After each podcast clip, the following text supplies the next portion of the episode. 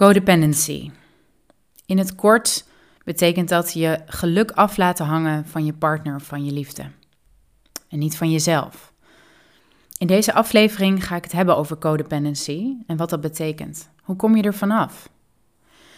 In principe is het zo dat als jij je oude pijn verwerkt en loslaat, leert begrenzen wat begrensd moet worden en je eigen ruimte leert innemen en goed voor jezelf zorgen, en daarbij leert de controle los te laten voor wat er op jouw pad mag komen en wat jij mag ontvangen, dan ben je door de dependency, codependency heen gebroken. En in deze aflevering wil ik je vertellen over mijn codependency en mijn patronen die ik heb gehad en heb ervaren, om jou inzicht te geven in hoe jij misschien hetzelfde doet en hoe jij jezelf ervan kunt bevrijden.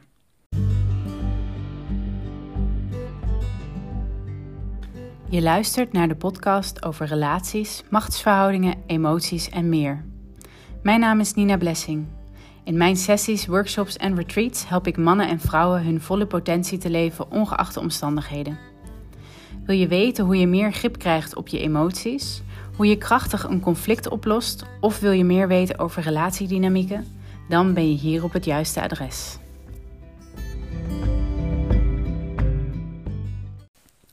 Oorspronkelijk is codependency een term die in de jaren 80-90 is geïntroduceerd door de auteur Melody Beatty uit de Verenigde Staten. Zij kwam op de term codependency in relaties waar met name alcoholisme een rol speelt. Eén partner was de alcoholist en de ander was de codependent. Dus degene die zich continu aanpaste aan het gedrag en aan de chaos van de alcoholist om de relatie maar mogelijk te maken. Heel kort samengevat zou je kunnen zeggen dat degene met codependency zijn eigen grenzen, behoeftes en emoties aan de kant zet om maar bij degene met alcoholisme te blijven. Te kunnen blijven, het vol te houden.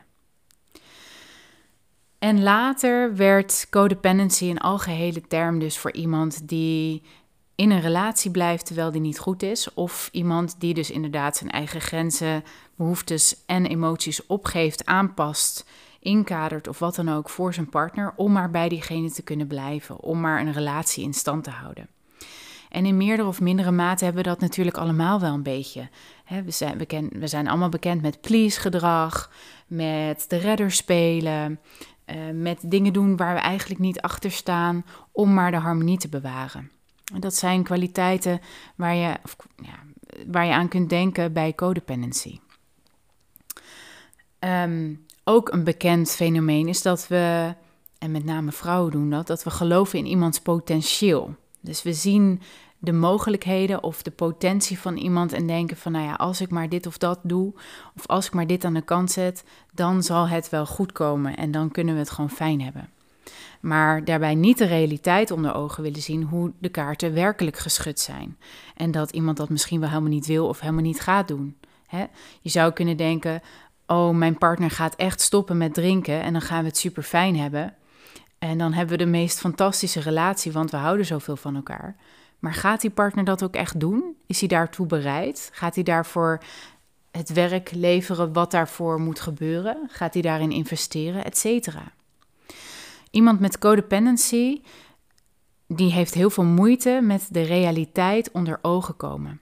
En, zoals het voorbeeld al doet vermoeden, iemand met codependency, die is geneigd om in situaties terecht te komen waarbij die kan worden mishandeld. Immers is zo iemand bereid zijn eigen grenzen op te geven, weg te geven, aan de kant te schuiven om maar in een relatie te kunnen zijn. En ja, dat heeft natuurlijk nogal wat dingen tot gevolg.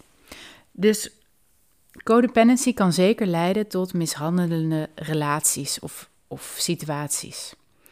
In deze podcast wil ik het niet specifiek daarover hebben, maar meer over de algemene patronen omdat codependency ook veel verder gaat dan uh, alleen de mishandelende relaties. Wij gedragen ons in zekere zin allemaal wel ergens codependent, afhankelijk van onze partner. En hoewel ik alle stadia denk ik wel heb doorlopen, wil ik jullie meenemen in de dingen die ik heb gedaan om uit mijn codependency te stappen. En eigenlijk zijn die stappen universeel. Dus of je nou in een mishandelende relatie zit of niet, er kan zowel in een mishandelende relatie sprake zijn van codependency, zoals in het alcoholisme voorbeeld, maar ook in een relatie waar niet per se mishandelend omgegaan wordt met de partner, ook daar kan sprake zijn van codependency. En ik wil jullie graag meenemen in hoe kom je er in godsnaam vanaf? Hoe kun je weer trouw worden aan je eigen grenzen, aan je eigen behoeftes en je eigen emoties? Hoe vind je de grond onder je eigen voeten, zodat jij vanuit die positie een fijne verbinding kunt aangaan met iemand, in plaats van bending over backwards, alles opgeven, aan de kant schrijven om maar een relatie of liefdesband zogenaamd mogelijk te maken? Hoe stop je met het potentieel zien van je partner? Uh, en ga je meer met de realiteit verbinden, zodat je werkelijk iets kunt bouwen in plaats van dat je luchtkastelen bouwt. En trust me, I did that. Ik heb een hoop luchtkastelen gebouwd in mijn relaties. Niet altijd, zaten ook zeker goede dingen tussen. En ik moest leren de waarheid onder ogen te komen. En de eerste stap die ik daarbij heb gezet is dat ik radicale verantwoordelijkheid moest nemen voor waar ik was. Voor de keuzes die ik had gemaakt en de grenzen die ik had laten overschrijden. En dit was heel pijnlijk en waarschijnlijk kan me voorstellen dat dit ook enig ongemak bij jullie oproept als luisteraar. Want het is niet leuk als je in een nare situatie zit om te horen dat je zelf daaraan bij hebt gedragen namelijk door je grenzen op te geven. dat is een hele harde les, maar wel een hele, hele belangrijke. En als je bedenkt dat je, ehm, ja, als jij verantwoordelijkheid neemt voor je keuzes, dan word je weer bij machten, want je stapt uit de slachtofferrol. En, dat is natuurlijk niet zo gek, als codependent ben je misschien ook zelfs wel slachtoffer. Als je in een mishandelende relatie zit, dan kan dat zeker. Denk maar even aan die ehm, codependent die met een alcoholist is, stel voor die alcoholist die uh, vergrijpt zich aan zijn partner in agressie of slaan of nou ja, fysiek geweld als hij dronken is, dat is natuurlijk mishandeling en daar ben je zeker slachtoffer van. Maar als jij in die relatie blijft en blijft en blijft en geen grenzen stelt, ja, dan, ja, dan doe je, draag je er ook zelf aan bij om het in stand te houden. En daar gaat het om, dat je dat onder ogen komt. En ja, dat is een harde les.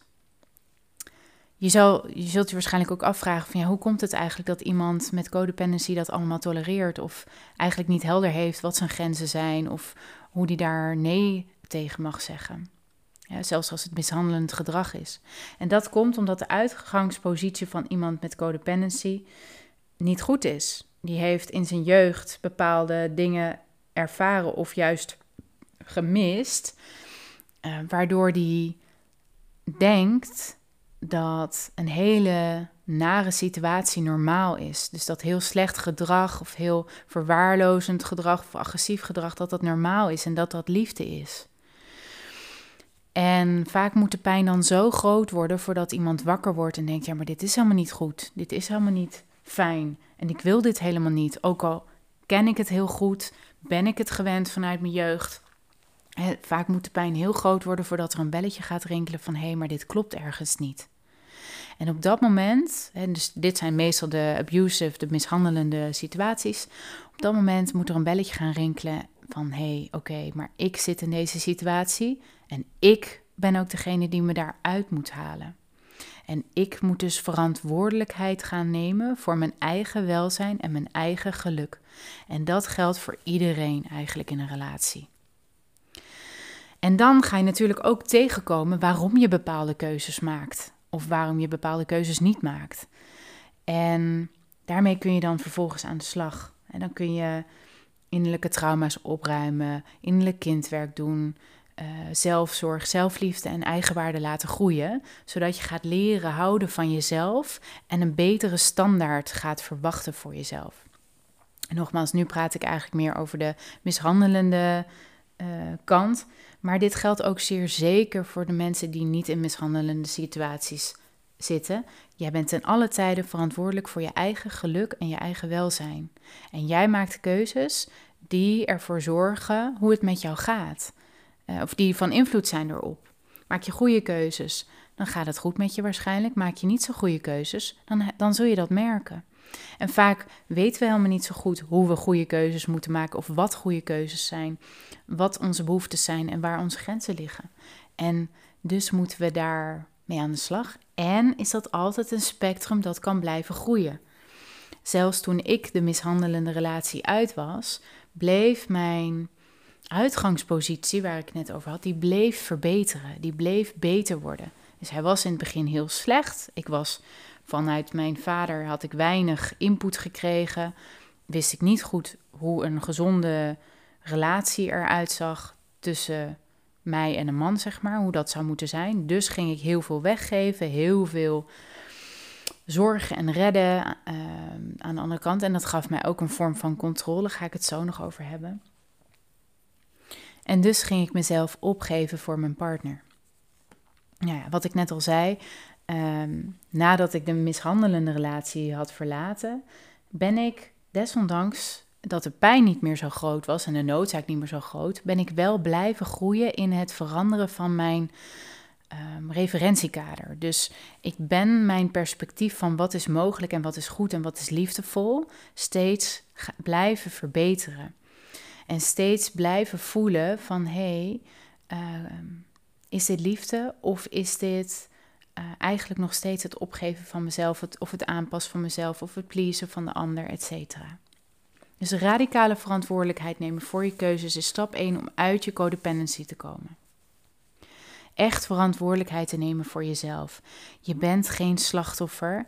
In de slachtofferrol ben je machteloos. Heb je geen invloed, kun je het niet veranderen. Stap je daaruit, dan stap je in feite uit de drama-driehoek van dader, slachtoffer, redder. Meestal in de codependency wordt de codependent wordt als slachtoffer betiteld en de ander dan als dader. En dan moet er ook altijd een redder zijn. En als codependent ben je voortdurend bezig eigenlijk je partner te redden. Want jij ziet het potentieel en je denkt, oh, maar het kan daarheen en het kan uh, zoveel beter worden en het kan zus en zo. En dan ga je die ander dus proberen te redden. Hoe? Of door hele analyses op hem los te laten en allerlei goed bedoelde adviezen te geven. Of door heel erg te gaan compenseren. Um, heel hard te gaan werken, uh, heel hard te lopen, heel veel extra te doen. Bijvoorbeeld alleen al heel veel therapie nemen om aan jezelf te werken, zodat je beter kunt omgaan met de grieven van je partner. Ja, en zo kan ik nog wel even doorgaan, snap je? Dus misschien gaat er al wel een belletje bij je rinkelen van hoe geef jij jezelf op? Hoe pas jij jezelf aan? Hoe, how are you bending over backwards? Door hoeveel bochten wring jij je om met je partner te kunnen zijn. En daarmee wil ik helemaal niet zeggen dat jouw partner dan slecht is of stom is, of misschien allerlei stomme dingen doet waar jij ehm, eh, ja, zo hard voor aan het werk bent om mee om te gaan. Het kan ook zijn dat jij gewoon allerlei dingen projecteert op je partner en dat je daardoor denkt dat jij van alles moet doen of door allerlei bochten moet wringen om met hem om te gaan. This is where it gets tricky. Um, we hebben projecties op ons, ja, onze dierbaren op de mensen om ons heen en zeker ook op onze partners. En dat kunnen angstprojecties zijn en droomprojecties. En ik wil het eerst even hebben over de angstprojecties. Ik noemde net al die uitgangspositie, hè, van wat je kent vanuit je jeugd, dat is je herkenningspunt. En je verwacht eigenlijk, als je onbewust bent, verwacht je dat mm, ja, de wereld zich zo gedraagt als dat jij het hebt gezien in je jeugd. Nou, stel je voor je bent vrouw en je hebt een vader gehad die emotioneel niet beschikbaar was en eigenlijk alles afsnauwde, dan was dat jouw referentiekader van liefde. Dan nam jij dat aan van hé, hey, dat klopt, dat is normaal en zul je waarschijnlijk op latere leeftijd ook een partner aantrekken die dat ook doet. En dat accepteer je dan, want je weet niet beter. Totdat op een gegeven moment het zo heftig wordt en je denkt: nee, dit wil ik niet. En dit doet me zoveel verdriet. Uh, dat, ja, dat je denkt: van dit wil ik anders. En dan kun je daaruit wakker worden en een nieuwe keuze maken en daarvan afstand nemen. Dan wel door dat gewoon als hele harde grens te, aan te geven naar je partner, of door in, inderdaad weg te gaan. Um, nou, deze angstprojecties kun je ook op je partner projecteren terwijl die partner dat misschien helemaal niet doet. Ik geef even een voorbeeld van de andere kant. Dus stel je voor, je bent man en je hebt een verstikkende moeder gehad en je bent bang dat je alles, ja, eigenlijk niks goed kan doen. Dan kan je dat beeld op je vrouw projecteren en uh, denken dat jij voortdurend het niet goed kan of, doen in de ogen van je vrouw. Terwijl dat misschien helemaal niet zo het geval hoeft te zijn. Alleen geloof je daar zo hardnekkig in dat je dat eindeloos, dat beeld in stand uh, wil houden en gaat houden en je daar ook naar zult gedragen en dus eigenlijk in een slachtofferrol blijft zitten. Van ik ben slachtoffer van mijn partner, want ik kan het ook nooit goed doen. En wat die partner dan eigenlijk ook doet, daar ben je eigenlijk helemaal niet meer ontvankelijk voor. En nogmaals, dit is even een voorbeeld vanaf de andere kant, maar het kan net zo goed ook zijn voor de vrouwen. Dus er zijn voor beide mannen, zowel mannen als vrouwen, zijn er dit soort uh, projecties aan te duiden. En het is dus heel belangrijk dat je daar bewust van wordt en dat je uit het drama leert stappen. En dat betekent dat je ego, ja, die gaat dat eigenlijk niet zo leuk vinden. Want als je het drama in stand kan houden, en dus daarmee wil ik zeggen, dat zolang je die rol kunt blijven spelen, dan ben je een soort van veilig. Want dat is je comfortzone. Dat is immers wat je goed kent. En als je dan zo zielig bent of slachtoffer bent, ja, daar kan je ook weer jezelf mee voeden. Daar kan je bij vrienden over klagen en je kan uh, vertellen hoe erg het allemaal is en hoe vervelend. En, en dan kunnen mensen jou natuurlijk uh, gaan uh, steunen en een ei over je bol geven. oh, kom maar, kom maar. Dus daarmee kun je je vergoeilijken of, of jezelf mee voeden. Maar als je uit de codependency wil stappen, en uit het drama van je relaties, dan heb je ook daaruit te stappen en dus volle verantwoordelijkheid te nemen voor dit stuk. En dan denk je, ja, maar mijn partner die doet dit en dat en zo en zo. Ja, als dat werkelijk zo is, wat zeker het geval kan zijn, dan eh, wordt dat alleen maar meer zichtbaar naarmate je je eigen drama ervan afhaalt. En hoe doe je dat? Nou, bewust worden dus van je projectie en je eigen leed, je eigen pijn ja, aangaan. Voelen, eruit gooien. Huilen, verdriet eruit gooien, woede eruit gooien. Niet per se naar je partner, maar wel ja, jouw pijn van vroeger, zoals ik al de andere podcast-afleveringen heb verteld, die eruit laten. Maak schoon schip in jezelf en dan zul je minder triggeren op je partner en minder projecteren, waardoor helderder wordt wat jouw partner doet wat niet leuk is, wat je niet wil accepteren. En zolang jij vanuit jouw slechte referentiekader vanuit je jeugd blijft projecteren, dan kun je ook eigenlijk niet helder zien wat nou wat is. Wat jij doet en wat je partner doet. Ga je aan de slag met je eigen pijn, dan wordt het een stuk helderder.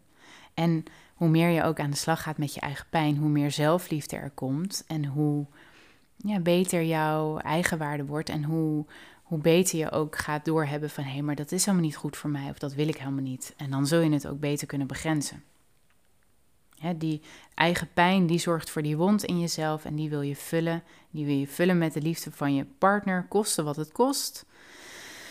En dat kost wat het kost, dat is precies waar je de codependency in gaat, waardoor je please gedrag vertoont en jezelf wegcijfert en je eigen behoeftes opgeeft.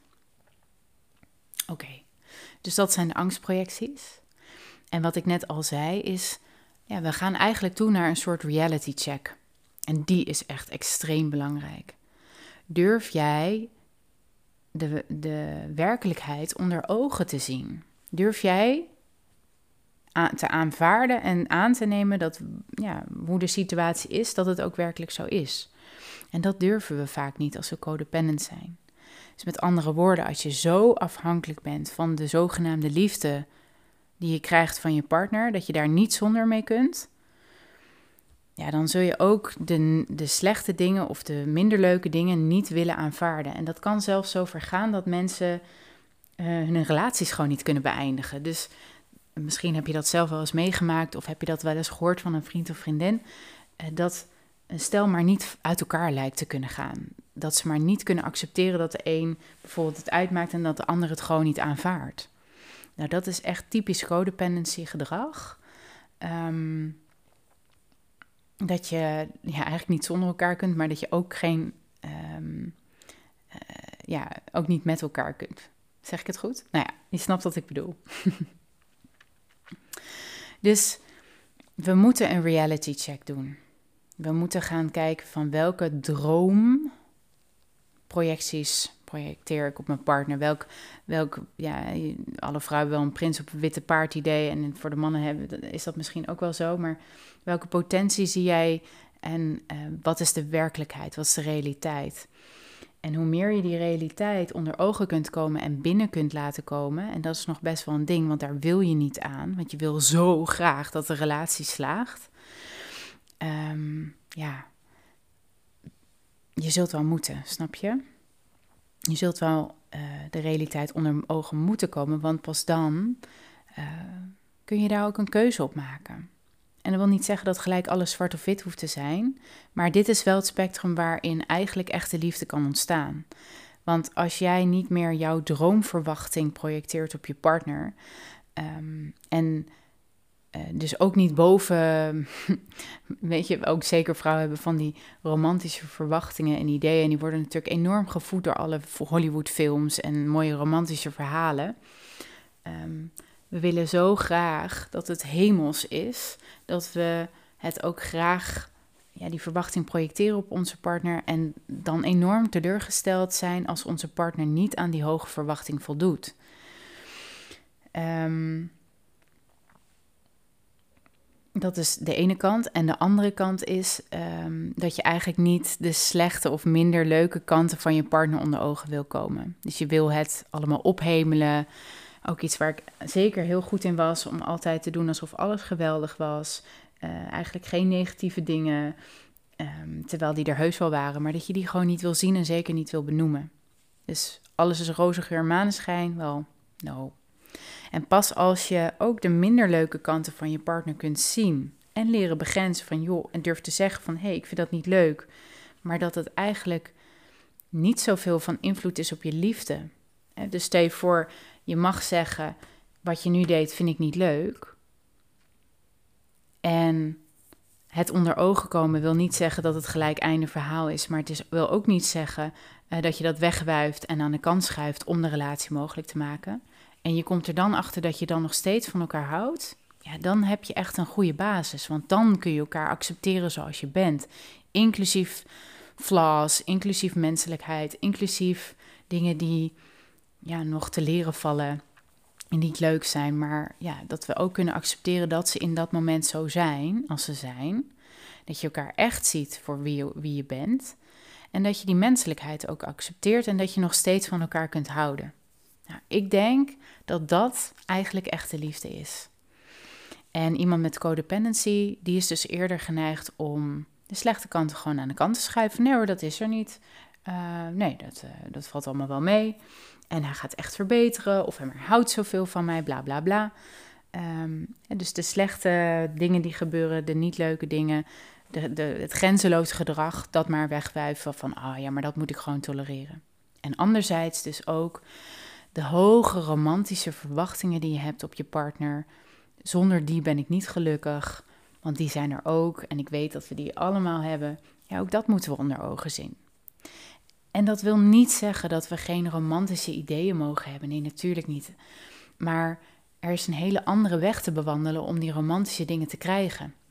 En de weg die wij denken te moeten bewandelen is er een van controle. Als ik maar dit of dat doe, dan gaat dat wel gebeuren. Nou, ik kan je vertellen, absoluut niet. Romantische dingen die gebeuren vooral als je het niet verwacht. En dat betekent dat controle er niets mee te maken heeft, want je kunt het niet beïnvloeden. Uh, in die zin. Je kunt wel ontvankelijk worden. Je kunt je openstellen voor verrassingen, voor onverwachte zaken. En daarvoor moet je dus leren de controle los te laten. En dan komen we gelijk bij het volgende punt, namelijk neediness behoeftigheid. Behoeftigheid aan liefde, aan aandacht, aan, nou ja, you name it. Uh, we hebben allemaal een bepaalde behoeftigheid en een neediness. Um, en dat is eigenlijk het gat in onszelf wat we proberen te vullen met de ander, met je partner, met aandacht, met gesprekken, met seks, met eten, met chocola, met heel hard werken. Um, je hoort het, er zijn verschillende dingen die we kunnen doen om ons eigen gat te vullen. En je moet je neediness voorstellen als een soort van een zuigende kracht van ik wil, ik kom iets bij je halen. En ik heb het nodig. En als je het me niet geeft, dan, dan voel ik me zo verloren of zo boos mm, dat, het, dat het niet meer klopt.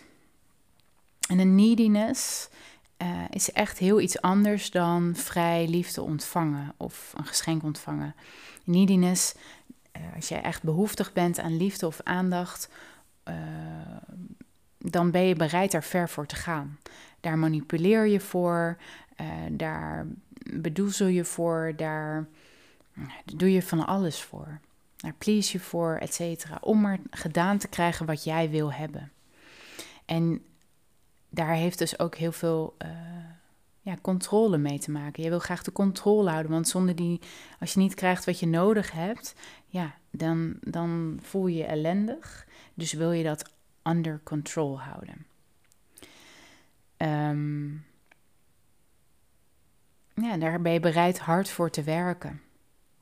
En een neediness, ik heb het net niet voor niet zo slurpend uitgebeeld in mijn, uh, met geluid. Het is letterlijk zo'n gevoel. En ik hoop heel erg dat jullie je eigen neediness in jezelf kunnen gaan herkennen en kunnen gaan voelen. Want op het moment dat je dat herkent, dan kun je daarin leren verzachten en achteroverleunen. Dan kun je, dit zijn echte momenten waarin jouw wond getriggerd wordt en waar je dus zelfliefde hebt te geven in plaats van dat te verwachten van anderen. En als je dat fysieke gevoel van paniek of behoeftigheid kunt gaan herkennen, dan kun je ook leren die uit te zitten. Want dat zijn echt momenten dat je gewoon moet uitzitten, dat je dat wil. dit is de verslaving haast. Uh, en leren uh, dus zelf, zelfzorg, zelf, uh, jezelf vasthouden, jezelf wiegen, jezelf supporten. Um, liefde geven aan jezelf en zelfzorg geven aan jezelf. Uh, zodat jij die neediness, je eigen gat kunt vullen met jouw eigen liefde. In plaats dat je altijd maar op zoek moet gaan naar iemand anders die dat voor jou moet vullen. Of seks, drugs, alcohol, uh, chocola, you name it. Um, dus voor dit stuk is er radicale zelfzorg nodig. Leren kennen wat je eigen behoeftes zijn en hoe je daarvoor zorgt. En daar kunnen we heel veel schuld en schaamte op tegenkomen. Van ik weet wel misschien ergens wat ik nodig heb. Bijvoorbeeld uh, gewoon wat vaker stil op de bank zitten en een boekje lezen of even uitrusten. Of iets, iets doen wat ik leuk vind. Maar eigenlijk vind ik dat ik dat niet mag. Want eerst moet alles af zijn. Of ik heb er helemaal geen tijd voor. Of ik wil er geen tijd voor maken. Of ik voel me schuldig als ik op de bank zit, et cetera. Dus op het stukje van radicale zelfzorg komen we schuld en schaamte tegen. En dat hebben we ja, door te werken. Dat is wederom pijn en verdriet en boosheid die we tegenkomen van vroeger. Maar het is dus wel heel essentieel om je neediness, je behoeftigheid aan liefde te kunnen vullen met die radicale zelfzorg en zelfliefde. En wat hier ook echt bij helpt, is die, die neediness zou je ook haast een soort verslaving aan liefde kunnen noemen. het is heel belangrijk dat je hier ook een soort ja, zenuwstelsel herprogrammering doet. En dit is waarom meditatie zo handig is. Is omdat je dan letterlijk leert uitzitten van je neediness. Dus je merkt op wat er in jou gebeurt en je leert er niet naar te handelen. Dus je leert gewoon ehm, niet reactief te zijn. En dat is sowieso een heel nuttige kwaliteit in het leven, denk ik. Ehm, want we zijn zo ja, gewend en we merken het haast niet meer op hoe reactief we zijn. En mediteren leert ons ja, gewoon af te wachten en uit te zitten en te accepteren wat er in ons omgaat, zonder dat we er iets mee hoeven doen. Het is een illusie en ik weet dat, uh, dat veel mensen dat denken, maar het is een illusie om te denken dat je bij meditatie je hoofd leeg moet maken en niks moet voelen. Het is het tegenovergestelde. Het is juist bekijken, zien en aanvaarden wat er in jou leeft. En er niets aan hoeven veranderen, waardoor het eigenlijk vanzelf al wegzakt en rustig wordt.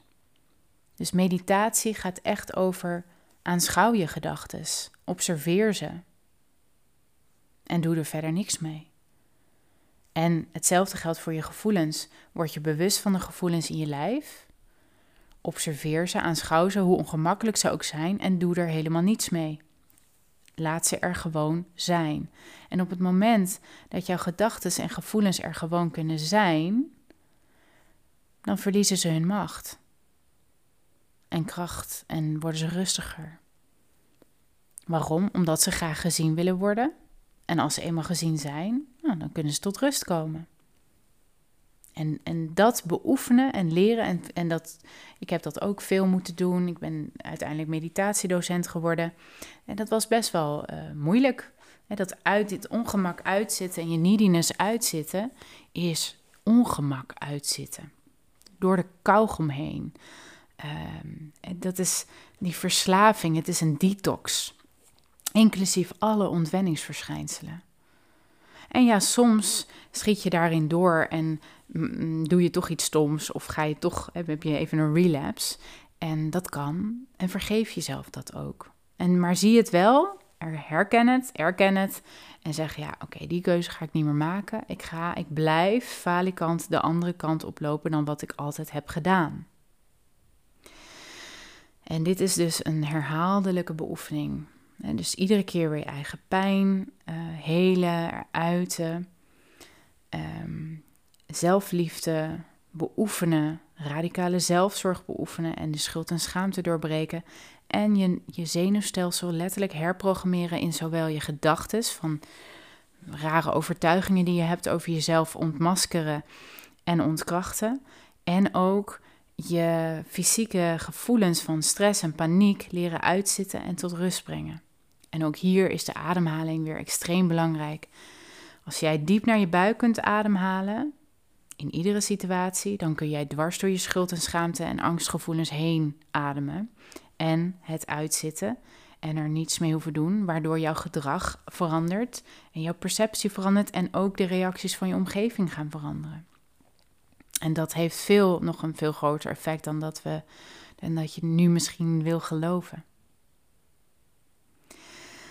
Nou, daarnaast was het voor mij ook heel belangrijk, en ik denk dat dat eigenlijk voor iedereen wel geldt met codependency, is dat je je eigen succes en je missie in het leven, hè, waarom ben ik hier en wat kom ik hier doen, dat je dat gaat uitleven.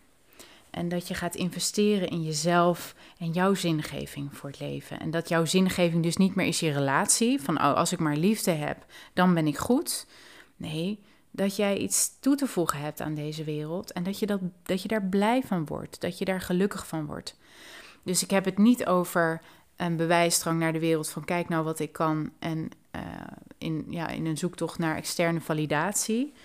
Maar meer naar ik wil iets bijdragen in de wereld wat mij zelf vervult. dus door iets te doen wat, wat mij blij maakt, um, help ik de wereld. Dus ik ben de wereld niet aan het redden, maar ik ben de wereld een stukje beter aan het maken, gewoon met mijn aanwezigheid en mijn talent.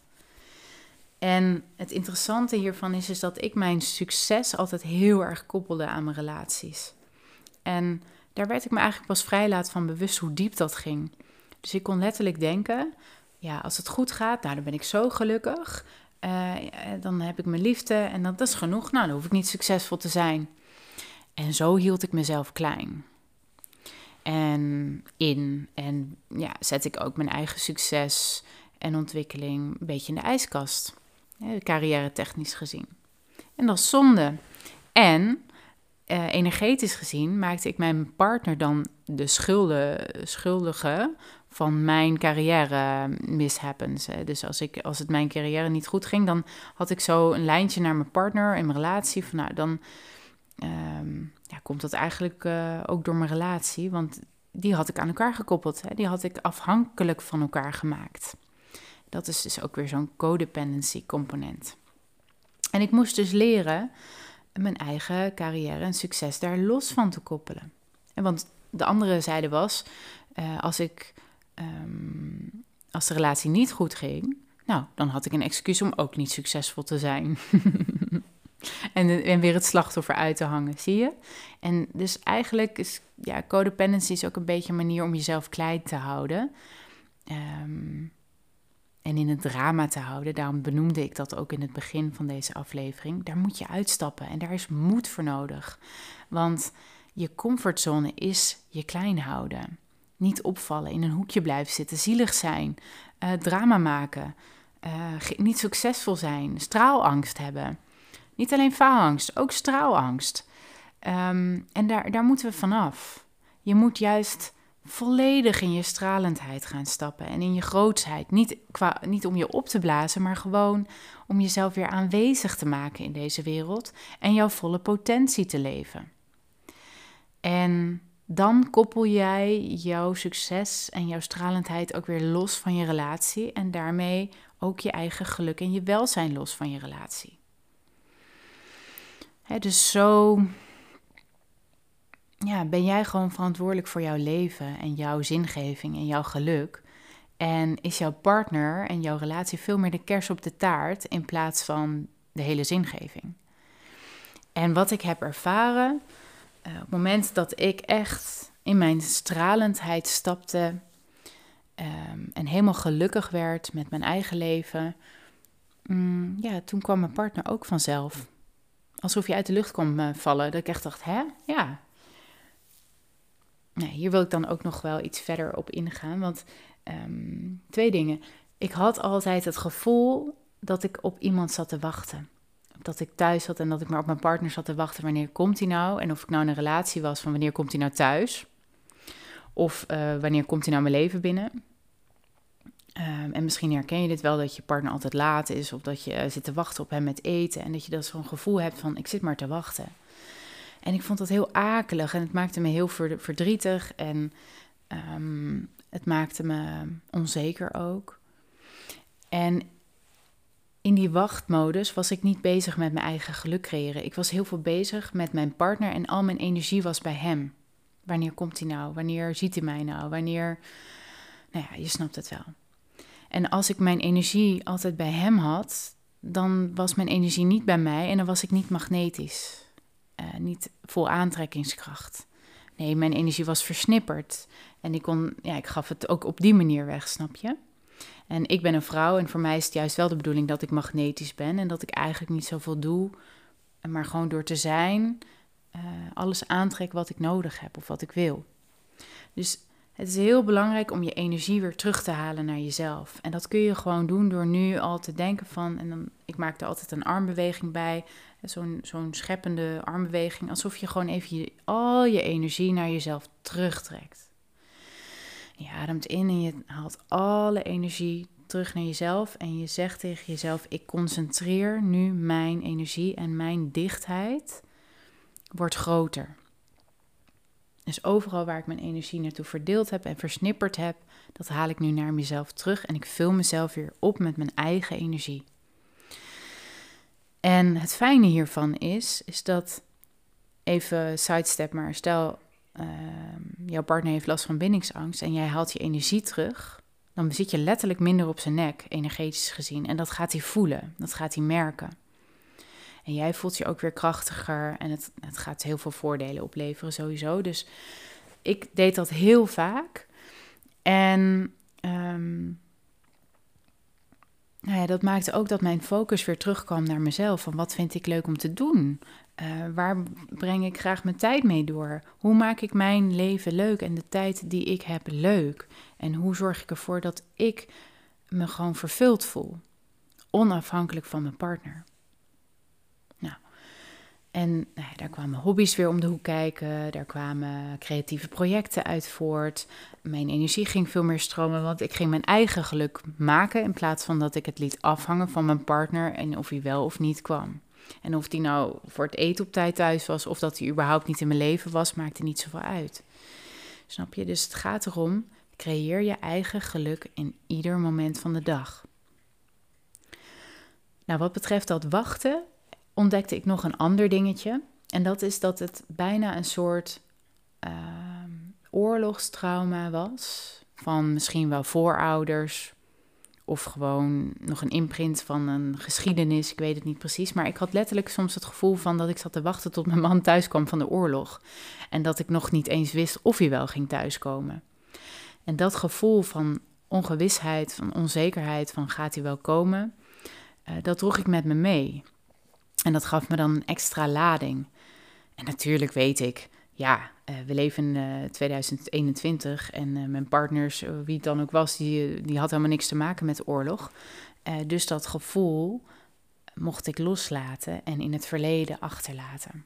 Maar die realisatie had me daar wel bij geholpen, dat ik, dat ik het gewoon doorkreeg van hé, hey, zo zullen vrouwen zich vaak gevoeld hebben door de geschiedenis heen als ze thuis waren in afwachting of hun man wel thuis ging komen. Um, dus voor mij heeft dat zeker geholpen om dat in te zien en, en daar ook een stukje pijn in los te laten. En daarom is het ook, uh, hè, daarom benoem ik het ook in deze podcast nu. Dus maak je eigen succes, maak je eigen plezier, maak je eigen geluk. En hoe doe je dat en wat heb je daarvoor nodig? En zit er schuldschaamte of angst op, ja of nee? Uh, nou, bij mij zat dat er zeker. En, op vele lagen en op vele manieren. En ik heb dat vrij moeten maken. En ik ben vooral, ik heb mezelf levend moeten maken. Niet meer afgestompt, afwachtend, maar meer, ja, wat wil ik? En wat heb ik daarvoor nodig? En hoe meer ik dat deed, hoe meer mijn vrouwelijke kwaliteiten naar boven kwamen en hoe stralender ik werd en hoe, ont, hoe ontvankelijker ik werd. En die ontvankelijkheid maakte dan weer dat ik open, steeds meer open ging en mijn controle losliet naar hoe wanneer en waar mijn man ging komen en hoe die zich ging gedragen en hoe die eruit zou zien en et cetera. Want daar ga ik niet over. Ik kan wel allerlei verwachtingen hebben. Ehm, maar de enige verwachting die ik eigenlijk mag hebben naar een man is: ik verwacht dat hij in mij investeert, dat hij committeert en dat er sprake is van wederkerigheid.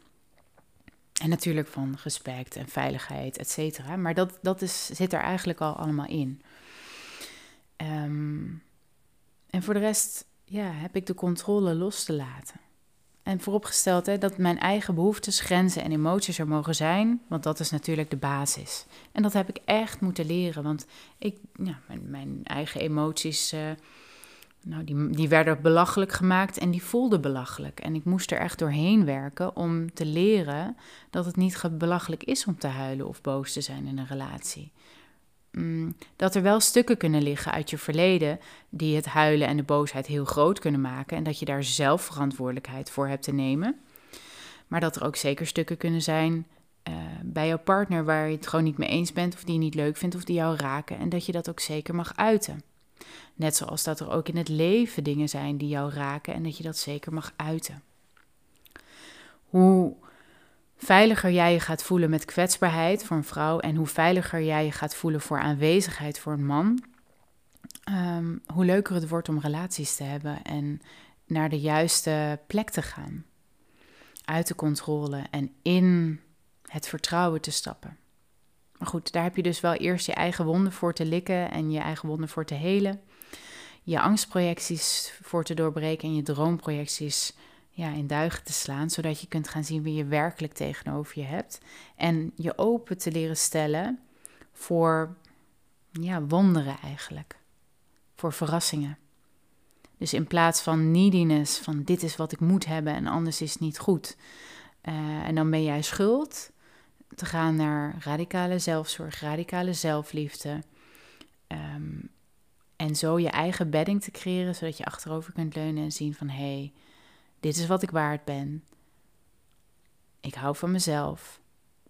En dat betekent dat er ook iemand naast me mag komen die ook van mij houdt, tot in die diepte en op dat niveau. En ja, dan wordt het gewoon superleuk. ja, dus codependency beëindigen betekent een soort verslaving aan liefde of beter gezegd ellende drama opgeven. Want wat je dacht dat liefde was, is helemaal niet altijd liefde. Dat is alleen wat je gewend was. En in werkelijkheid is het drama. En dat drama, dat geeft dus ook een bepaalde ego-bestaansrecht en ego-voeding van zieligheid, slachtofferrol of ook redderschap. Het geeft je, stel je voor, jou, jouw partner doet dingen die niet leuk zijn, dan kun je je in de reddersrol echt verheffen boven hem of haar en daarmee een soort machtspositie in stand houden. Mijn vorige podcast over de therapeut, de moeder en de verleidster, die gaat daarover. Dat is een van de manieren om een machtspositie in stand te houden. Maar ook manipuleren, please gedrag, um, zijn ja, gewoon manieren om controle te houden en te krijgen wat je wil. Het werkt niet altijd, maar het is wel wat we doen. En om codependency echt te doorbreken, moet je dus de ellende, de donkerte die zo bekend is, het drama, moet je achter je gaan laten. En dat is dus de comfortzone waar je uit moet stappen. En dat is, dat is zo paradoxaal, want dat lijken we bijna niet door te hebben, maar dat is wel hoe het is. Je bent geen slachtoffer. Je hoeft geen redder te zijn om bestaansrecht te hebben in deze wereld. Jij bent al goed genoeg, want het is je geboorterecht om liefde te ontvangen zonder dat je daar iets voor hoeft te doen. Een baby hoeft geen enkele prestatie te leveren om liefde te mogen ontvangen. Ontvangt een baby geen liefde, maar wel voeding en warmte, dan gaat hij alsnog dood. We hebben allemaal liefde nodig. En als jij als klein babytje of kind geen of weinig liefde hebt gehad, of je hebt situaties meegemaakt waar dat heel erg bedreigd werd, dan heb je doodsangsten uitgestaan en dan heb jij conditionering aangeleerd om dat te overleven. Je bent copingstrategieën gaan aanmeten om er ervoor te zorgen dat er voor jou gezorgd werd. Hoor maar even de paradox in deze zin: om ervoor te zorgen dat er voor jou gezorgd werd. Terwijl je was baby of kind en afhankelijk. En natuurlijk had er gewoon voor jou gezorgd moeten worden. Maar dat is gewoon niet altijd het geval. En ik wil daarbij geen schuld aanpraten naar de ouders. Iedereen deed wat ze konden naar beste eer en geweten. Maar soms was het gewoon niet genoeg. En in de meeste gevallen was het niet genoeg. Nou, dat kan heel extreem zijn en dat kan minder extreem zijn. En dat is dus je referentiekader voor hoe jij relaties aangaat later. En wij hebben dus te leren in relaties, nou ja, weer ons verdriet en onze boosheid te uiten op een manier die kloppend is voor de situatie waar we in zitten, die de realiteit onder ogen ziet en die ook vergevingsgezind is en ja, groei toelaat.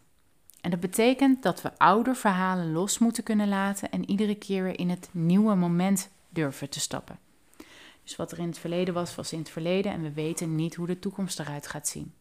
Als wij eindeloos ons drama, ons verhaal herhalen en herhalen en herhalen, omdat wij verwachten dat het altijd zo gaat, dan zal het ook altijd zo gaan. En dat is dus de comfortzone waar we uit te stappen hebben. En dus ook het drama wat we achter ons te laten hebben. En, ik, en dit was misschien nog voor mij wel het allermoeilijkste om te doorgronden en echt los te snijden dat ik mij niet meer ging identificeren met mijn verhaal, met mijn verleden en met mijn referentiekader. Maar dat ik iedere keer weer een nieuw en beter referentiekader creëerde door te investeren in opleidingen, in um, innerlijk werk, in therapieën, waar ik nieuwe ervaringen kreeg die bijdroegen aan een betere uitgangspositie. En ik leerde het ook toepassen in de alledaagse dag. Dus ik leerde mm, door bijvoorbeeld iets moedigs te doen, dus iets wat ik eigenlijk niet durfde, wel te zeggen of wel te doen. Uh, en daarmee ook te breken met een oud gedragspatroon of een oud verhaal. En dan te zien ja, of ik daar, stel je voor je hebt daar een goede ervaring mee, wat zeker ook voorkwam, dan had ik dus iets nieuws gecreëerd. Dan had ik een nieuw referentiekader gecreëerd. En werd het slecht ontvangen, Ehm, dan komt vaak, het, eh, stel je voor, uh, even kijken of ik een voorbeeld kan verzinnen. Ehm, nou, bijvoorbeeld, je stelt voor het eerst een grens en je vindt dat heel eng, maar je doet het toch. En stel je wordt heel slecht ontvangen, dus iemand gaat er helemaal tegenin. Dan nog kan het een betere ervaring zijn dan het niet zeggen. Omdat je gewoon merkt van ja, maar doordat je boos wordt van ja, maar dit was echt goed dat ik dit heb gezegd. Ehm, en uiteindelijk, als je het dan nog een keer doet of nog een keer doet, merk je dan ook van hé, hey, dat iemand anders het wel kan accepteren en wel doorziet en wel jou een fijne reactie kan geven. En dat gebeurt niet altijd gelijk. Maar zo kunnen wij dus nieuwe ervaringen creëren voor ons die een betere uitgangspositie creëren dan wat het is geweest. En daarvoor moeten we echt bereid zijn ons verhaal van drama, onze geschiedenis, los te laten. Hm. Dus, lieve man of vrouw, als je luistert, maak je eigen geluk. Creëer je eigen welzijn. Jij bent daar verantwoordelijk voor, want jij bent volwassen, je bent geen kind meer. Jij mag zelf in actie komen om dat te gaan creëren. Op welke manier dan ook. Ben je iemand die heel hard werkt en altijd alles verzorgt en altijd voor de ander klaarstaat? Begin dan met voor jezelf klaarstaan en voor jezelf zorgen. En is het meer andersom? Ja, dan weet je wat je te doen staat. En ben je altijd alleen maar met jezelf bezig? Hm, dan is het misschien tijd om eens naar je partner te gaan kijken of naar je dierbaren. Ik wilde tot slot nog één ding zeggen. Codependency werkt ook echt door in het werkende leven. Ehm, misschien denk je, ja, in mijn relaties geef ik me eigenlijk niet zo op. Valt wel mee, dus ik ben niet codependent. Maar hoe doe je het op de werkvloer? Hoeveel en hoe vaak ben jij bereid jezelf en je eigen behoeftes en je eigen grenzen op te geven voor je baas of voor je maandsalaris? Hoeveel grenzen ga je daarmee over en hoeveel behoeftes zet je daarmee aan de kant? Ook dat is codependency gedrag.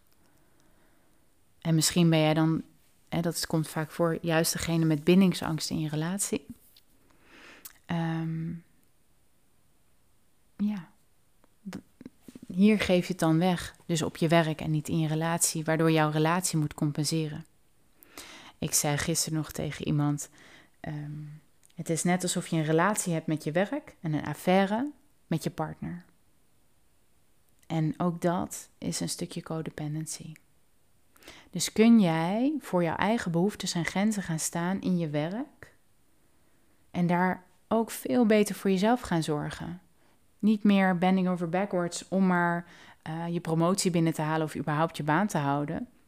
Nee, kun jij het gewoon echt naar je zin maken voor jezelf en jouw welzijn en geluk naar de next level tillen. En dan gaat dat ook jouw ruimte geven om fijnere relaties aan te gaan en te creëren, omdat je daar simpelweg gewoon de ruimte voor hebt omdat je niet uh, in je werk meer alles hoeft op te geven. Want als je ergens veel grenzen over gaat, ja, dan kan. Stel je geeft heel veel grenzen op, op werk, ja, dan moet jouw partner natuurlijk ook compenseren. Want dan kun je daar, heb je daar niet meer zoveel te geven. Dat is logisch. Er is maar zoveel energie in een dag en zoveel tijd en zoveel liefde. Ja, nee, liefde, dat klopt niet. Want er is altijd, en liefde is eindeloos. Er is zoveel liefde beschikbaar voor ons. Ehm, en dat is ook iets wat we ons mogen beseffen. Maar het begint met zelfliefde, eigenwaarde, je eigen gat vullen. En pas als je glas vol is, dan heb je ook iets te geven. Niemand hoeft te worden gered. Dat is, mm, ja, als we daar toch eens achter zouden komen. Niemand hoeft worden gered. Wij zijn allemaal krachtige wezens. Als wij allemaal weten en durven zeggen wat we nodig hebben en wat we niet willen, dan breekt dat de weg open naar vrije keuzes en vrije wil. En dat betekent dat je gewoon op tafel kunt leggen: dit is wat ik wil en dat is wat ik niet wil. En dan kan degene, jouw partner of degene die tegenover je zegt, zeggen van goh, nou, dat kan ik accepteren en dat niet. En dat betekent dus ook dat je de consequenties van je keuzes moet gaan leren dragen. En ook dit is een stukje een belangrijk stukje van het doorbreken van codependency. En daarom benoemde ik ook al de radicale verantwoordelijkheid nemen.